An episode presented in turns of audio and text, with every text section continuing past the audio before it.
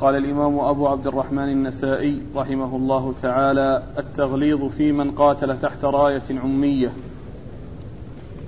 قال أخبرنا بشر بن هلال الصواف. قال حدثنا عبد الوارث. قال حدثنا أيوب عن غيلان بن جرير عن زياد بن رياح عن أبي هريرة رضي الله عنه أنه قال قال رسول الله صلى الله عليه وآله وسلم من خرج من الطاعة وفارق الجماعة فمات مات ميتة جاهلية ومن خرج على أمتي يضرب برها وفاجرها لا يتحاشى من مؤمنها ولا يفي لذي عهدها فليس مني. ومن قاتل تحت راية عمية يدعو إلى عصبية أو يغضب لعصبية فقتل فقت فقتلة جاهلية. بسم الله الرحمن الرحيم.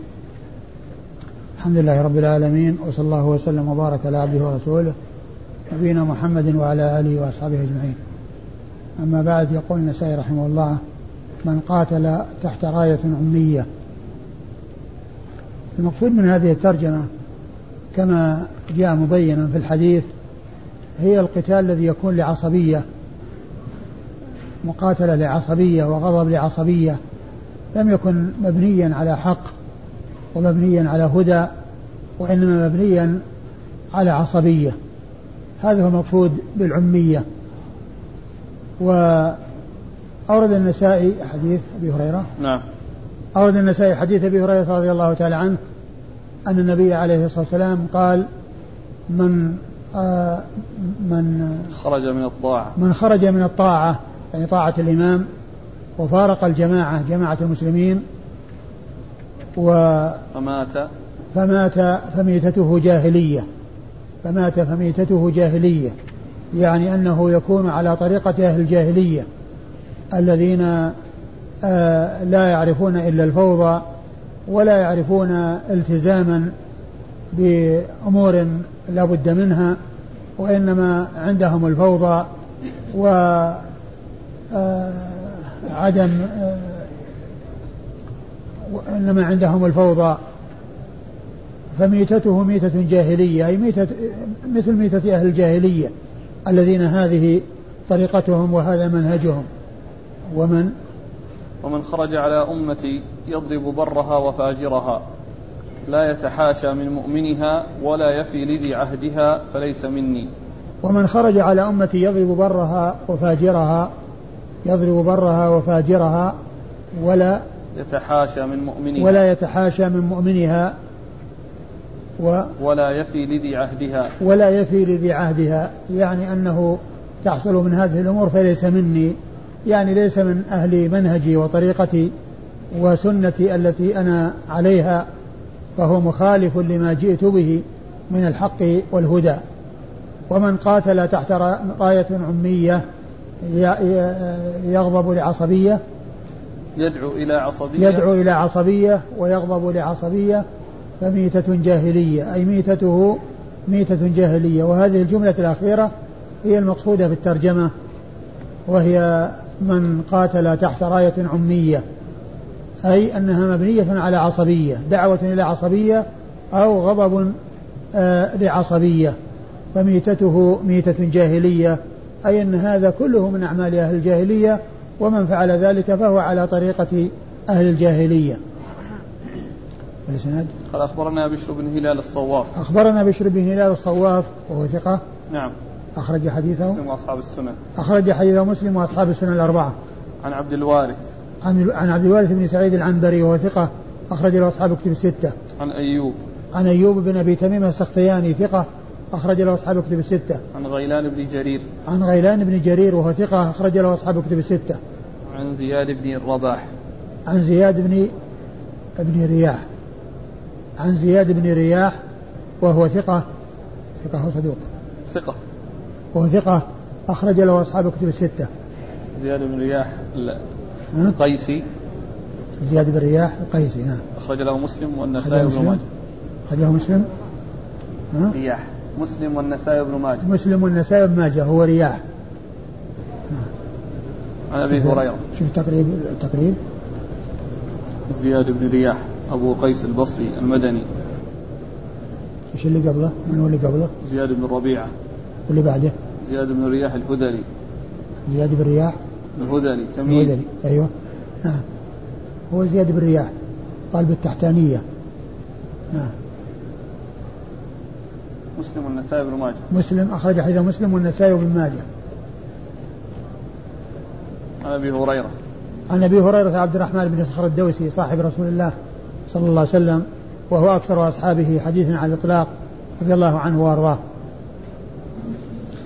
قال أخبرنا محمد بن المثنى عن عبد الرحمن قال حدثنا عمران القطان عن عن قتادة عن أبي مجلز عن جندب بن عبد الله رضي الله عنه أنه قال قال رسول الله صلى الله عليه وآله وسلم من قاتل تحت راية عمية يقاتل عصبية ويغضب, ويغضب لعصبية فقتلته جاهلية. قال أبو عبد الرحمن القطان ليس بالقوي. ثم ورد النسائي حديث جندب بن عبد الله البجلي رضي الله عنه وهو مثل ما تقدم في إحدى الجمل السابقة في الحديث المتقدم من قاتل تحت راية عمية آه، يقاتل عصبية. يقاتل عصبية ويغضب لعصبية فمات فميتته جاهلية. نعم.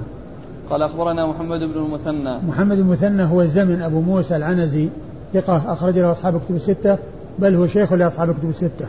عن عبد الرحمن. عن عبد الرحمن بن مهدي البصري ثقة أخرج له أصحاب كتب الستة.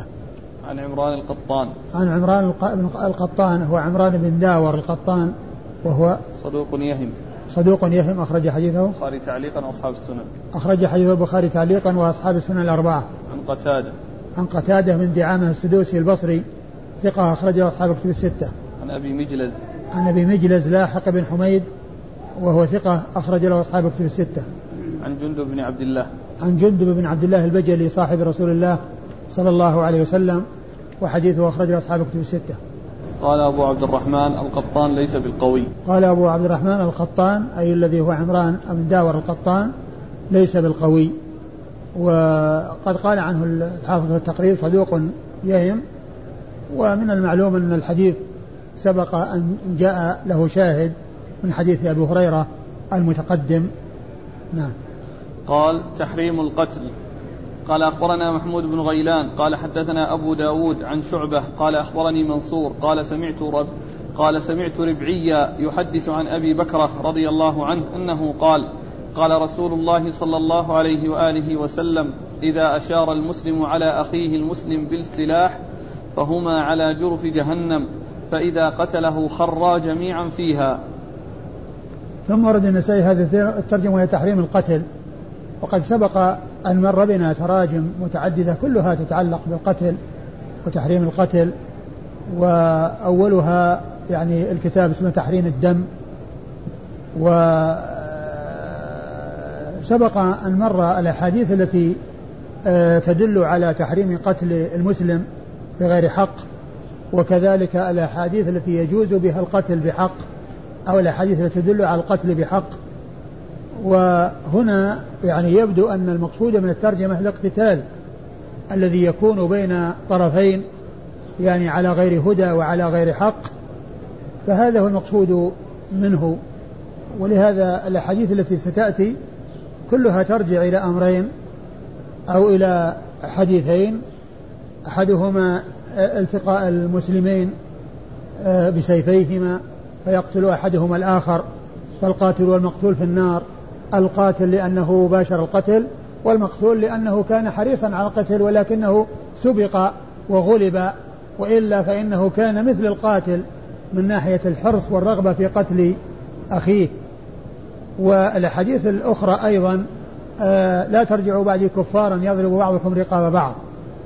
فالذي يبدو من الترجمة أنها الاقتتال الذي يكون بين طرفين أو بين مجموعتين يعني على غير هدى وعلى غير حق فإن هذا هو الذي يكون فيه دم الجانبين المقتتلين وتحريم القتل آه، من الجميع أي من الجهتين المتقابلتين سواء كانوا أفرادا أو جماعات.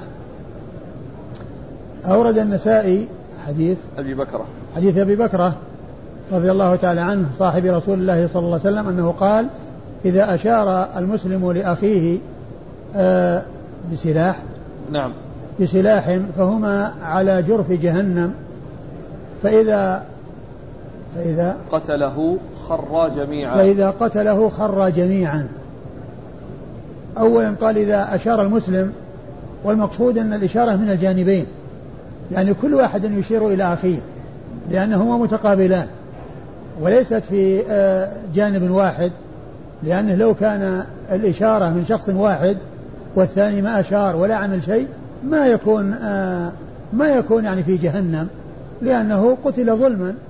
لكن كون كل واحد منهما يقابل الآخر وكل منهما يشير للآخر يريد أن يقتله أي أخذ بالأسباب التي تؤدي إليه. فهما على جرف يعني على الحافة. لأنهما هذه وسيلة إلى القتل. يعني كون الإنسان يشير ويعني يريد القتل وهما قتل هذه وسيلة إلى وسيلة محرمة إلى غاية محرمة. فإذا قتله خر فيها يعني وقع فيها جميعا.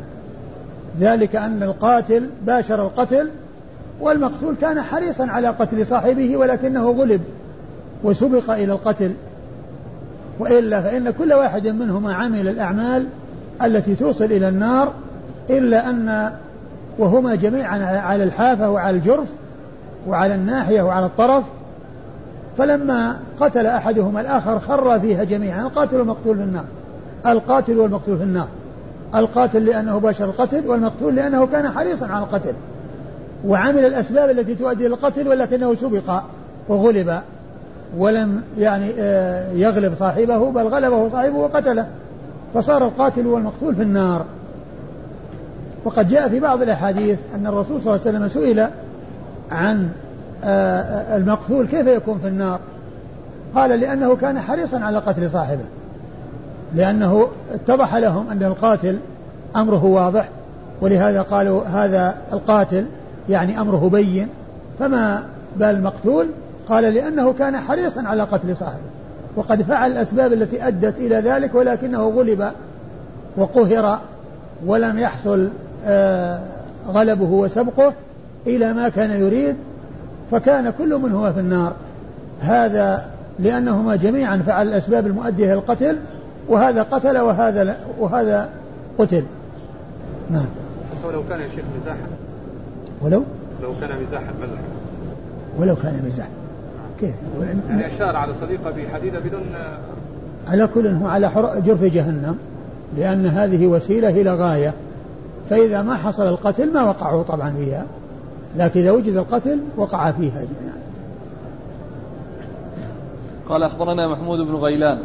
أخبرنا محمود بن غيلان المروزي ثقة أخرج حديثه أصحاب الكتب الستة إلا أبا داود. عن أبي داود. عن أبي داود الطيالسي سليمان بن داود ثقة أخرج له البخاري تعليقا ومسلم. وأصحاب السنة الأربعة عن شعبة عن شعبة بن الحجاج الواسطي ثم البصري ثقة وصف بأنه أمير المؤمنين في الحديث وحديثه أخرجه أصحاب الكتب الستة. عن منصور. عن منصور وهو ابن المعتمر ثقة أخرج حديث أصحاب الكتب الستة.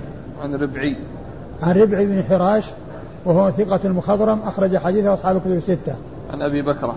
عن أبي بكرة نفيع بن الحارث صاحب رسول الله صلى الله عليه وسلم وحديثه أخرجه أصحاب الكتب الستة.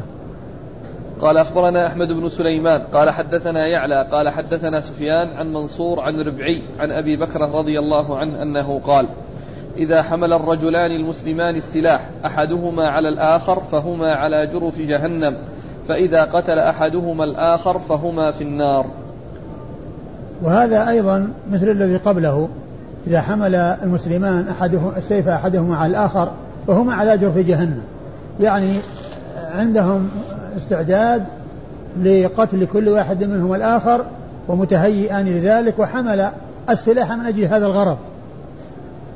فهما على جرف جهنم يعني أخذ بالأسباب المؤدية إليها فهما على حافتها فإذا قتل أحدهما الآخر وقع فيها وسقط فيها وخر فيها فكان من أهل النار وهو مثل الذي قبله. نعم. قال أخبرنا أحمد بن سليمان. أحمد بن سليمان الرهاوي وهو ثقة أخرج حديثه النسائي وحده. عن يعلى. عن يعلى بن عبيد الطنافسي وهو ثقة أخرج حديث أصحاب الكتب الستة. عن الثوري. عن الثوري سفيان بن سعيد بن مسروق الثوري ثقة فقيه. وصف بأنه أمير المؤمنين في الحديث وحديث أخرجه أصحاب الكتب الستة. عن منصور عن ربعي عن أبي بكرة. عن منصور عن ربعي عن أبي بكرة وقد مر ذكرهم. قال أخبرنا محمد بن إسماعيل بن إبراهيم عن يزيد عن سليمان التيمي عن الحسن عن أبي موسى رضي الله عنه عن النبي صلى الله عليه وآله وسلم أنه قال إذا تواجه المسلمان بسيفيهما فقتل أحدهما صاحبه فهما في النار. قيل يا رسول الله هذا القاتل فما بال المقتول؟ قال أراد قتل صاحبه. ثم ورد النسائي حديث أبي موسى الأشعري رضي الله عنه إذا تواجه المسلمان بسيفيهما بسيفيهما فالقاتل فالقاتل والمقتول في النار. قيل يا رسول الله هذا القاتل فما بال المقتول؟ يعني هذا القاتل أمره بين لأنه قتل فما بال المقتول؟ وقد قتل. فقال عليه الصلاة والسلام إنه كان حريصا على قتل صاحبه. إنه كان حريصا يعني عنده الحرص على قتل صاحبه ولكن حيل بينه وبين ما يريد حيث سبقه صاحبه إلى قتله. ولم يتمكن هو من قبل من قتل صاحبه مع أنه كان حريصا على ذلك. فهو ليس بمجرد النية يعني كونه في النار وإنما بفعل الأسباب والأخذ بالأسباب التي أراد بها الفعل وأراد بها تنفيذ ما بيته وما نواه ولكنه غلب وسبق فقتل ولم يقتل غيره. نعم. قال أخبرنا محمد بن إسماعيل بن إبراهيم. محمد بن إسماعيل بن إبراهيم بن علية ثقة أخرج حديثه النسائي وحده. هو ابن علية ولا أبوه؟ نعم محمد بن إسماعيل. أي. ابن إبراهيم. أبوه بن علية. أبوه المشهور أبوه بن علية. و, و وهذا إسماعيل هو المشهور بعلية وهذا ابنه محمد ثقة أخرج حديث النسائي وحده. عن يزيد. عن يزيد بن هارون الواسطي وهو ثقة أخرج حديث أصحاب الكتب الستة. عن سليمان التيمي. عن سليمان بن طرخان التيمي ثقة أخرج حديث أصحاب الكتب الستة. عن الحسن. عن الحسن بن أبي الحسن البصري ثقة فقيه يرسل ويدلس وحديث أخرج أصحاب الكتب الستة. عن عن أبي موسى. عن أبي موسى الأشعري عبد الله بن قيس الأشعري صاحب رسول الله صلى الله عليه وسلم وحديثه أخرجه أصحاب الكتب الستة. قال أخبرنا محمد بن إسماعيل بن إبراهيم قال حدثنا يزيد وهو ابن هارون قال أخبرنا سعيد عن قتادة عن الحسن عن أبي موسى الأشعري رضي الله عنه عن النبي صلى الله عليه وآله وسلم أنه قال إذا تواجه المسلمان بسيفيهما فقتل أحدهما صاحبه فهما في النار مثله سواء. ثم ورد النسائي حديث أبي موسى من طريق أخرى وهو مثل ما تقدم. الإسناد؟ قال أخبرنا محمد بن إسماعيل عن يزيد عن سعيد. أخبرنا محمد بن إسماعيل وقد مر ذكره عن يزيد هو بن هارون مر ذكره عن سعيد. عن سعيد بن أبي عروبة ثقة أخرج حديث أصحاب الكتب الستة. عن قتادة. عن قتادة عن عن الحسن عن أبي موسى. عن أبي موسى وقد مر ذكرهم. قال أخبرنا علي بن محمد بن علي المصيصي قال حدثنا خلف عن زائدة عن هشام عن الحسن عن أبي بكر رضي الله عنه عن النبي صلى الله عليه وآله وسلم أنه قال: إذا تواجه المسلمان بسيفيهما كل و... كل واحد منهما يريد قتل صاحبه فهما في النار. قيل له يا رسول الله هذا القاتل فما بال المقتول؟ قال إنه كان حريصا على قتل صاحبه. ثم ورد النسائي حديث أبي موسى أبي بكر حديث أبي بكر رضي الله عنه وهو مثل حديث أبي موسى يعني إذا تواجه المسلمان بسيفيهما. بسيفيهما فالقاتل والمقتول في النار. كل واحد منهم يريد قتل صاحبه فالقاتل والمقتول في النار. إيش؟ قيل له يا رسول الله هذا القاتل فما بال المقتول؟ قيل يا رسول الله هذا القاتل فما بال المقتول؟ قال إنه كان حريصا على قتل صاحبه. وكلمة آه، التي مرت في آخر الحديث اللي قبله مثله سوى غير واضحة. لأن الحديث الذي قبل هذا ليس مثله. ليس ليس مثله يعني في المتن بل بينهما فرق. الحديث اللي قبله وش لفظه؟ اللي قبل الأول. إذا تواجه المسلمان بسيفيهما فقتل أحدهما صاحبه فهما في النار. أيوه والثاني؟ إذا تواجه المسلمان بسيفيهما فقتل أحدهما صاحبه فهما في النار. لكنه ناقص بعد ذلك قيل يا رسول الله هذا القاتل فما بال المقتول؟ قال أراد قتل صاحبه. يعني هذا في الأول ولا في الثاني؟ هذا في الأول. الأول. يعني إذا كان مقصود به الجملة الأولى يعني مستقيم مثله سواء. لكن يعني باقيه يعني ليس ليست المماثلة موجودة بل فيه زيادة. اللهم إلا أن يكون يعني أنه ذكر الجملة الأولى ثم حال على الجملة الثانية الباقية فقال مثله سواء يعني يريد أن الباقي مثله سواء فأحال عليه فهذا يكون يعني واضح. يعني المقصود به الجملة الأخيرة التي ما ذكرها ولكن أحال عليها. الجملة الأولى يعني حتى الجملة الأولى موافقة. أليس كذلك؟ الأولى موافقة نعم. أيوه الأولى موافقة. وكان يعني المناسب أن يعني يقال مثله سواء من الأول لأنها مطابقة لما قبلها. والجملة الأخيرة يعني إذا كان مقصود الجملة الأخيرة وأحال عليها فواضح. لكن كان المناسب ما دام أن أن حتى الجملة الأولى المذكورة يعني مثله فكان يقال من الأول مثله سواء. يعني بعد ما ينتهي الإسناد يقول مثله سواء. نعم قال أخبرنا علي بن محمد بن علي المصيصي. أخبرنا علي بن محمد بن علي المصيصي وهو ثقة. نعم. أخرج حديثه. النسائي. أخرج حديث النسائي وحده. عن خلف. عن خلف بن تميم وهو ثقة. أخرج حديثه. وهو صدوق. وهو صدوق. حديثه الترمذي والنسائي. النسائي وابن ماجه. أخرج حديثه النسائي وابن ماجه. عن زائدة. عن زائدة بن قدامة هو ثقة. أخرج له أصحاب كتب الستة. عن هشام. عن هشام بن حسان وهو ثقة. أخرج أصحاب كتب الستة. عن الحسن عن أبي بكرة. عن الحسن عن أبي بكرة وقد مر ذكرهما. قال أخبرنا محمد بن المثنى قال حدثنا الخليل بن عمر بن إبراهيم قال حدثني أبي قال حدثنا قتادة عن الحسن عن أبي بكرة رضي الله عنه أنه قال قال رسول الله صلى الله عليه وآله وسلم إذا التقى المسلمان بسيفيهما فقتل أحدهما صاحبه فالقاتل والمقتول في النار. ثم ورد النسائي حديث أبي بكر من طريق أخرى وهو مثل ما تقدم. قال أخبرنا محمد بن المثنى. محمد بن المثنى مر ذكره. عن الخليل بن عمر بن إبراهيم. عن الخليل بن عمر بن إبراهيم وهو صدوق ربما خالف. وهو صدوق ربما خالف. أخرج حديث البخاري في القدر أبو داود في القدر والنسائي. عن أبيه. عن أبيه آه إبراهيم. عمر بن إبراهيم. عمر بن إبراهيم. أيوه. صدوق. صدوق. في حديثه عن قتادة ضعف أخرج له أبو داود في القدر والترمذي والنسائي وابن ماجه. أخرج أبو داود في القدر والترمذي والنسائي وابن ماجه. عن قتادة عن الحسن عن أبي بكرة. عن قتادة عن الحسن عن أبي بكر وقد مر ذكرهم. قال أخبرنا أحمد بن فضالة قال حدثنا عبد الرزاق قال حدثنا معمر عن أيوب عن الحسن عن الأحنف بن قيس عن أبي بكرة رضي الله عنه أنه قال سمعت رسول الله صلى الله عليه وآله وسلم يقول إذا تواجه المسلمان بسيفيهما فقتل أحدهما صاحبه فالقاتل والمقتول في النار. قالوا يا رسول الله هذا القاتل فما بال المقتول؟ قال إنه أراد قتل صاحبه. ثم ورد النسائي حديث أبي بكر من طريق أخرى وهو مثل ما تقدم. قال أخبرنا أحمد بن فضالة. أحمد بن فضالة وهو صدوق ربما خالف أخرج له النسائي. وهو صدوق ربما خالف اخرج, أخرج حديثه النسائي وحده. صدوق ربما أخطأ. صدوق ربما أخطأ أخرج حديثه النسائي وحده. عن عبد الرزاق. عبد الرزاق بن همام الصنعاني ثقة أخرج له أصحاب كتب الستة. عن معمر. عن معمر بن راشد الأزدي البصري ثم اليماني ثقة أخرج له أصحاب كتب الستة. عن أيوب عن الحسن عن الأحنف بن قيس عن أيوب عن الحسن وقد مر ذكرهما عن الأحنف بن قيس وهو ثقة مخضرم أخرج له أصحاب الكتب الستة. عن أبي بكرة. عن أبي بكرة وقد مر ذكره. قال أخبرنا أحمد بن عبده عن حماد عن أيوب ويونس والعلاء بن زياد عن الحسن. وإيش؟ قال أخبرنا أحمد بن عبده عن حماد عن أيوب ويونس والعلاء بن زياد. أيوه. وش فيه؟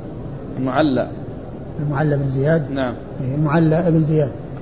عن الحسن عن الأحنف بن قيس عن أبي بكرة رضي الله عنه أنه قال قال رسول الله صلى الله عليه وآله وسلم إذا التقى المسلمان بسيفيهما فقتل أحدهما صاحبه فالقاتل والمقتول في النار. الصحابي أبو بكر؟ أبو بكر نعم. ثم ورد النسائي حديث أبي بكر من طريق أخرى وهو مثل ما تقدم. قال أخبرنا أحمد بن عبده. أخبرنا أحمد بن عبده وهو صدوق. ثقة أخرجه مسلم وأصحاب السنن. وهو وهو ثقة أخرجه مسلم وأصحاب السنن. عن حماد. عن حماد بن زيد وهو ثقة أخرجه أصحاب الكتب الستة. عن أيوب. عن أيوب مر ذكره. ويونس. ويونس بن عبيد ثقة أخرجه أصحاب الكتب الستة. والمعلى بن زياد. والمعلى بن زياد ثقة أخرج له. صدوق. أخرج له البخاري تعليقا ومسلم وأصحاب السنن. البخاري تعليقا ومسلم وأصحاب السنن. شفت العلاء؟ العلاء بن زياد. تصحيح من من تحفة الأشراف. لا بس العلاء بن زياد فيه هو, هو هذا ولا غيره؟ فيه العلاء بن زياد هو هذا ولا غيره؟ فيه العلاء بن زياد بن مطر العدوي. هو لا كل شيء معلل ومعلل وهذا وش قال فيه؟ هذا ثقة من الرابعة. أيوه. أخرج له البخاري تعليقا وأبو داود في المراسيل والنسائي بن ماجه. أيوه. وذاك المعلى بن زياد إيش قال فيه؟ المعلى بن زياد القردوسي صدوق قليل الحديث زاهد اختلف قول ابن معين فيه من السابعة. من السابعة؟ اي أخرج حديثه؟ البخاري تعليقا ومسلم وأصحاب السنن. البخاري تعليقا ومسلم وأصحاب السنن. هذا من السابعة وذاك من الرابعة؟ نعم. ويروي عن من؟ يروي عن الحسن. يروي عن الحسن؟ مم. تحميد الأشراف قال انه معلى نعم. أو انه شخص آخر. لأن الحديث رواه جماعة يعني النسائي وغير النسائي. نعم من طريق النسائي. لأنهم بارك الله فيك اللي قبلهم حماد بن زيد. أيوه. حماد بن زيد يروي عن ثلاثة. إيه؟ أيوب إيه؟ ويونس والعلاء. نعم. فهل إذا فإذا جعلناه من الرابع انه العلاء بن زيد ال- ال- العلاء نعم بن زياد الذي هو من الرابع. يمكن يروي حماد؟ عن هؤلاء حماد؟ حماد بن زيد. يروي عن من؟ عن ثلاثة أيوب ويونس والمعلى أقول هو حماد مو بيروي عنهم الآن عن الثلاثه ها؟ من يروي؟ عن حماد يروي عن من؟ حماد يروي عن أيوب ويونس والعلاء بن زياد إيه نعم. يعني الآن هو يروي عنهم أقول حماد يروي عنهم يروي عنهم بس القضية يعني لو قلنا أن هذا العلاء بن زياد وهو من الرابعة. إيه. هل يمكن أن حماد يروي عنهم؟ عنه؟ هو كما هو معلوم يعني أحيانا يكون يعني الشخص يعمر فيكون يروي عن طبقة متقدمة. مثل مثل من في العاشرة أو الحادي عشر يروي عن من في السابعة. يروي عن من في السابعة والسبب يعني كونه معمر. يعني عمره مثلا تسعين سنة فيكون أدرك من لم يدرك غيره. مثل مثل قتيبة يروي عن عن مالك اللي توفي سنة 179 ويعني وغيره يعني. فقضية ال- ال- الطبقات يعني يمكن يعني يروي يعني يتجاوز عدة طبقات بسبب كونه يكون معمرا. على كل يعني يتأكد يعني من هذا. إلى الدرس القادم إن شاء الله. بعده. عن الحسن عن الأحنف بن قيس عن أبي بكرة عن الأحنف عن عن الحسن عن الأحنف بن قيس عن أبي بكر وقد مر ذكرهم. قال أخبرنا مجاهد بن موسى قال حدثنا إسماعيل وهو ابن علية عن يونس عن الحسن عن أبي موسى الأشعري رضي الله عنه أن رسول الله صلى الله عليه وآله وسلم قال إذا تواجه المسلمان بسيفيهما فقتل أحدهما صاحبه فالقاتل والمقتول في النار. قال رجل يا رسول الله هذا القاتل فما بال المقتول؟ قال إنه أراد قتل صاحبه. ال- العلاء بن زياد ذاك ذكر تاريخ وفاته تقريب. مات سنة أربع وتسعين. 94 إيه. و 94 إذا كان 94 ما ما يدركه حماد بن زيد. أقول ما يدركه. حماد بن زيد وهو وهو من طبقة آه، شيوخ شيوخ البخاري. من الرابع 94 يعني قبل المئة. لا. إلا 94 قبل المئة. كيف؟ ما يكون طبقة من الرابعة. ها؟ هو من الرابعة. لكن سنته في 94 إيه. إيه يعني قبل المئة. ما أدري ما وصل المئة. يعني ما قبل المئة. حجر إذا قال من الثالثة إلى الثامنة فهم بعد المئة. الثالثة؟ إلى الثامنة. أيوة. ومن بعد الثامنة ما بعدها؟ كلام ابن حجر إيش قال؟ من الثالثة؟ بس الآن هذا من الرابعة وهو قبل المئة. ما يكون ما يكون وصل المئتين يقول فإن كان من الأولى والثانية فهم قبل المئة. وإن كان الأولى والثانية؟ فهم قبل المئة. أيوة. وإن كان من الثالثة إلى آخر الثامنة فهم بعد المئة. وإن كان من التاسعة إلى آخر الطبقات فهم بعد المئتين. يعني إذا كان إذا كان أنه يصل 194 يعني فهو حماد بن زيد يمكن من يصير من أقرانه. أقل. ها؟ أي نعم حماد بن زيد؟ يصير قبله. أي نعم لكن آه، ما يكون يعني يعني لهذا. شو حماد بن زيد؟ مات سنة تسع وسبعين من كبار الثامنة. أي هذا. تسع وسبعين. يعني ذاك لا شك أنه يصير يعني معناه قبل المئة. ويكون كلامه ذاك يعني غالبي ابن حجر. إي نعم قاله هو. غالبي يعني. غالبي. نعم. يكون ذاك إيش؟ غالبي. لا بس العلاء بن زياد. اي أنا أقول يعني معناه دون المئة. يعني مات 94 قبل المئة. ما يكون مات 94 يعني بعد حماد بن زيد. لأن ذاك ذاك في الثامنة اللي هو حماد بن زيد إيه؟ وهذا في الرابعة طيب. إيه فيكون يعني قبل المئة يصير. وحماد بن زيد يعني قريب من 200 وهذا من الثامنة الفرق بينهم أربع طبقات. ليه ما يعمر الشيخ أكثر من التلميذ؟ يمكن يمكن أن يعمر لكن لكنه يعني آه، كونه آه، يصير يعني آه، يعني وهو من الرابعة يعني يصل إلى 194 إي لأنه من الثالثة إلى آخر الثامنة كلهم أولى بعد المئة. إي صحيح لكن بس يعني قد يكون يعني مثلا أن أن يعني كلام ابن حجر هو يعني يقول يعني معنى غالبي. هو يقول في آخر كلامه ومن ندر عن ذلك بينته. أيوه. بعد أن ساق الكلام المتقدم. يقول ومن ندر عن ذلك بينته. على كل هو المحقق يقول قد ترك المصنف رحمه الله بعض من نذر بدون بيان فأضفته بين الهلالين. أيه. أبو الأشبال. أيوة. هذا ما ذكر شيء فيه. ثم قوله يعني إنه يعني كان فوق 200 لا يعني لا يعني أن يكون ما يكون في الرابعه يصل لحل 200 وان معناه أنه يتجاوز ال 200 أي ال 100 إنه يعني يتعداها يعني يكون فوقها لكن مو معناه أنه يعني يكون اللي في طبقة يكون في آخرها وفي نهايتها. على كل يحتاج إلى يعني معرفته لكن في الغالب أنه 94 يعني يعني الآن هو يصير معناه أنه من التابعين. اللي هو حماد بن اللي هو هذا اللي هو العلاء. المعلى بن زياد.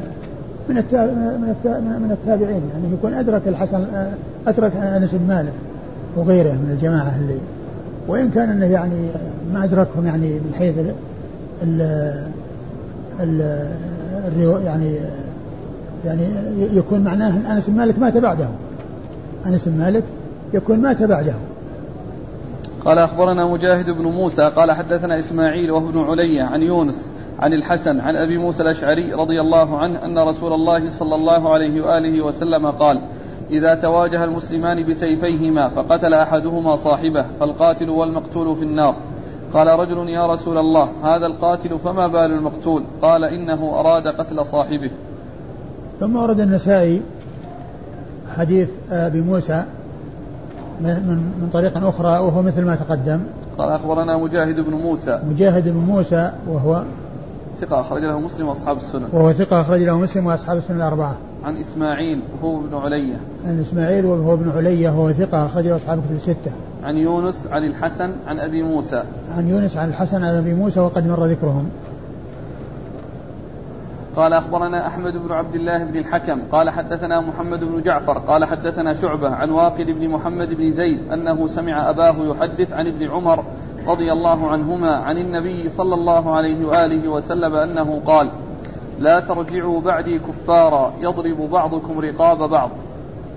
ثم ورد النسائي حديث ابن عمر رضي الله تعالى عنهما وهذا هو الحديث الثاني أو آه، من من الحديثين اللذين مر يعني أو الذين أوردهما النسائي تحت ترجمة تحريم القتل.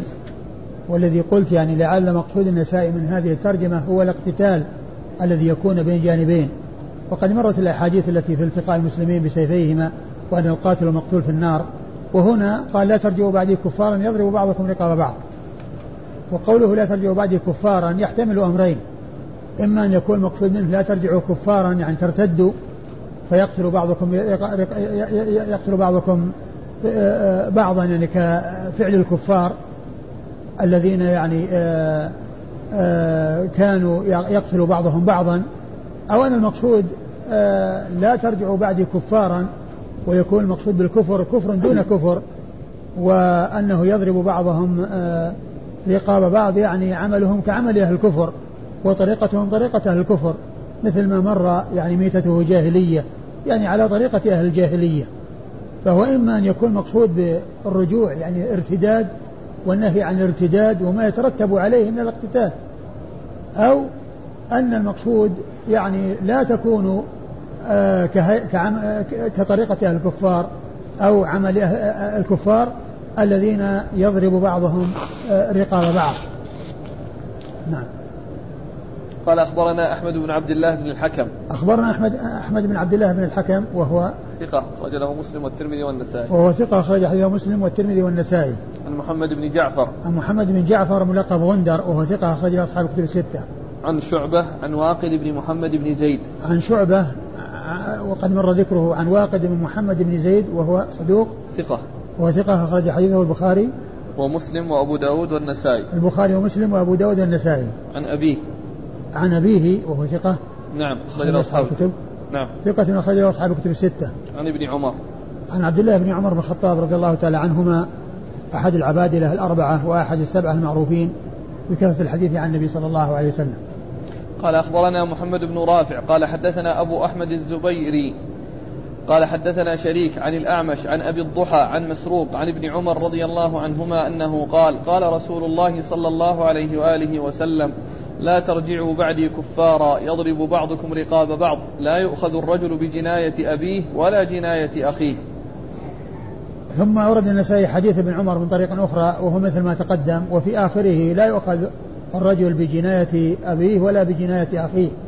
يعني أن كل يؤاخذ بما بجنايته ولا يؤخذ غيره بجنايته.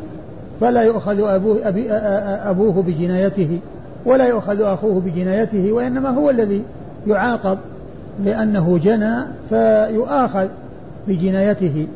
ولا يعني يحمل غيره ما لا ما لم يتحمل. فعقوبة الجاني عليه ولا تكون على غيره. وهذا يعني آه، فيما يتعلق بالقتل آه، العمد. وأما فيما يتعلق بالقتل الخطأ فمن المعلوم أن أن الدية على العاقلة. وهذه ليست يعني جناية مقصودة وإنما هو شيء حصل عن طريق الخطأ. فصارت العاقلة تتحمل يعني ذلك وأما من باشر القتل فإنه هو الذي يقتل ويقتص منه وهو الذي يتحمل الدية إذا تنازل آه، أولياء الدم عن القصاص فيتحملها هو ولا تتحملها العاقلة. نعم. قال أخبرنا محمد بن رافع. محمد بن رافع النيسابوري وهو ثقة أخرج له أصحاب الستة إلى ابن ماجه. عن أبي أحمد الزبيري. عن أبي أحمد الزبيري وهو محمد بن عبد الله بن الزبير بن ابن عمر ابن عمر بن ابن ابن درهم وهو ثقة أخرج له أصحاب الكتب الستة. عن شريك. عن شريك بن عبد الله النخعي القاضي وهو صدوق يخطئ كثيرا أخرج حديثه البخاري تعليقا ومسلم وأصحاب السنن. عن الأعمش. عن الأعمش سليمان بن مهران الكاهلي ثقة أخرج له أصحاب الكتب الستة. عن أبي الضحى عن أبي الضحى وهو مسلم بن صبيح وهو ثقة أخرج له أصحاب كتب الستة. عن مسروق. عن مسروق بن الأجدع ثقة أخرج له أصحاب كتب الستة. عن عن ابن عمر. عن ابن عمر وقد مر ذكره. قال في آخره قال أبو عبد الرحمن هذا خطأ والصواب مرسل. قال أبو عبد الرحمن هذا خطأ والصواب مرسل. يعني أن أنه آه، آه، يعني من التابعي أرسله. نعم. قال أخبرنا إبراهيم بن يعقوب قال حدثنا أحمد بن يونس قال حدثنا أبو بكر بن عياش عن عن الأعمش عن مسلم عن مس عن مسروق عن عبد الله رضي الله عنه أنه قال قال رسول الله صلى الله عليه وآله وسلم لا ترجعوا بعدي كفارا يضرب بعضكم رقاب بعض ولا يؤخذ الرجل بجريرة أبيه ولا بجريرة أخيه. عن ابن عمر إيش؟ عن عبد الله. أيوه. قال قال رسول الله صلى الله عليه وسلم لا ترجعوا بعدي كفارا. يضرب بعضكم رقاب بعض ولا يؤخذ الرجل بجريرة أبيه ولا بجريرة أخيه. وهو مثل ما تقدم. والإسناد؟ قال أخبرنا إبراهيم بن يعقوب. هو الجوزجاني وهو ثقة أخرج حديثه أبو داود والترمذي والنسائي. عن أحمد أحمد بن يونس. عن أحمد بن يونس أحمد بن عبد الله بن يونس وهو ثقة أخرج له. أصحاب الكتب. أخرج له أصحاب الكتب الستة. عن أبي بكر بن عياش. عن أبي بكر بن عياش وهو ثقة أخرجه أصحاب الكتب الستة. مسلم في المقدمة. ها؟ مسلم في المقدمة مسلم في المقدمة. نعم. أخرج حديثه مسلم في المقدمة. البخاري أص- أصحاب الكتب إلا مسلم ففي المقدمة. عن الأعمش عن مسلم. عن الأعمش وقد مر ذكره عن مسلم وهو بن وهو أبو الضحى. يعني جاء هنا باسمه وذاك بكنيته. عن مسروق عن عبد الله. نعم وقد مر ذكرهما. قال أخبرنا محمد بن العلاء قال حدثنا أبو معاوية عن الأعمش عن مسلم عن مسروق قال قال رسول الله صلى الله عليه وآله وسلم لا ألفينكم ترجعون بعدي كفارا يضرب بعضكم رقاب بعض ولا يؤخذ الرجل بجريرة أبيه ولا بجريرة أخيه هذا الصواب. ثم ورد النسائي حديث آه، حديث ابن عمر من طريق أخرى وهو مثل ما تقدم. نعم. هنا مرسل. ها؟ مرسل. مرسل نعم. مرسل يعني من مسروق. عن مسروق نعم. قال أخبرنا محمد بن العلاء. محمد بن العلاء أبو كريب. محمد بن العلاء بن كريب أبو كريب. ثقة أخرج له أصحاب الكتب الستة. عن أبي معاوية. عن أبي معاوية محمد بن خازم الضرير الكوفي. ثقة أخرج له أصحاب الكتب الستة. عن الأعمش عن مسروق عن مسلم عن مسروق. وقد مر ذكرهم. يقول هذا الصواب. هذا الصواب يعني أنه مرسل. قال أخبرنا إبراهيم بن يعقوب قال حدثنا يعلى قال حدثنا الأعمش عن أبي الضحى عن مسروق قال قال رسول الله صلى الله عليه وآله وسلم لا ترجعوا بعدي كفارا. مرسل. ثم ورد النسائي ال- الحديث وهو مرسل من طريق أخرى وهو مختصر لا ترجعوا بعدي كفارا. نعم. قال أخبرنا إبراهيم بن يعقوب عن يعلى. إبراهيم يعقوب مر ذكره يعلى هو بن عبيد مر ذكره. عن الأعمش عن أبي الضحى عن مسروق. وقد مر ذكرهم. قال أخبرنا عمرو بن زرارة قال أخبرنا إسماعيل عن أيوب عن محمد بن سيرين عن أبي بكرة رضي الله عنه عن النبي صلى الله عليه وآله وسلم أنه قال لا ترجعوا بعدي ضلالا يضرب بعضكم رقاب بعض. ثم ورد النسائي حديث أبي بكر من طريق أخرى لا ترجعوا بعدي ضلالا يضرب بعضكم رقاب بعض. يعني هنا بدل كفار أتى بضلال. والأمر يعني آه، كما مر يعني ضلالا إما الضلال الذي هو غاية الضلال وهو الكفر ويكون ذلك عن طريق الارتداد ويضرب بعضهم رقاب بعض يعني شأن الكفار يعني اللي هو عمل الكفار لأنهم آه، يعني ليسوا على دين فيقتل بعضهم بعضا ليس عندهم دين يردعهم وي- ويمنعهم أو ان أنهم لا يعني آه، المقصود به يعني آه، ما الضلال الذي هو دون آه، أعظم الضلال الذي آه، كالكفر الذي هو دون كفر ويكون يعني آه، طريقتهم طريقة الكفار أو طريقة الضلال. نعم. قال أخبرنا عمرو بن زرارة. عمرو بن زرارة ثقة؟ نعم أخرج له البخاري ومسلم والنسائي. ثقة أخرج حديث البخاري ومسلم والنسائي. عن إسماعيل عن أيوب عن محمد بن سيرين. عن إسماعيل وهو ابن علية. مر ذكره عن أيوب. عن أيوب مر ذكره عن محمد بن سيرين. عن محمد بن سيرين وهو ثقة أخرج له أصحاب كتب الستة. عن أبي بكرة. عن أبي بكر وقد مر ذكره. قال أخبرنا محمد بن بشار. قال حدثنا محمد وعبد الرحمن. قال حدثنا شعبة عن علي بن مدرك. قال سمعت أبا زرع بن, بن عمرو بن جرير عن جرير رضي الله عنه أن رسول الله صلى الله عليه وآله وسلم في حجة الوداع استنصت الناس. قال لا ترجعوا بعدي كفارا يضرب بعضكم رقاب بعض. ثم ورد النسائي حديث جرير بن عبد الله البجلي البجلي رضي الله عنه البجلي رضي الله تعالى عنه وارضاه أن النبي صلى الله عليه وسلم استنصت الناس في حجة الوداع يعني طلب منهم السكوت وليقبلوا على خطبته وليسمعوا كلامه فيعوه ويحفظوه. وهذا يدلنا يدل على الاهتمام يعني بذلك آه، وكان مما قاله لا ترجعوا بعدي كفارا يضرب, يضرب بعضكم, بعضكم رقاب بعض. وهو مثل ما تقدم في حديث أبي موسى وحديث حديث ابن عمر وحديث أبي بكره نعم. قال أخبرنا محمد بن بشار. محمد بن بشار هو الملقب بن دار. ثقة أخرجه أصحاب الكتب الستة بل هو شيخ لأصحاب الكتب الستة. عن محمد وعبد الرحمن. محمد هو بن جعفر الملقب غندر مر ذكره وعبد الرحمن هو بن مهدي آه، البصري مر ذكره. عن شعبة عن علي بن مدرك. عن شعبة مر ذكره علي بن مدرك ثقة أخرجه أصحاب الكتب الستة. عن أبي زرعة بن عمرو بن جرير. عن أبي زرعة بن عمرو بن جرير وهو ثقة أخرجه أصحاب الكتب الستة. عن جده جرير ابن عبد الله البجلي صاحب رسول الله صلى الله عليه وسلم وحديثه أخرجه أصحاب الكتب الستة. قال أخبرنا أبو عبيد بن أبي السفر. قال حدثنا عبد الله بن نمير.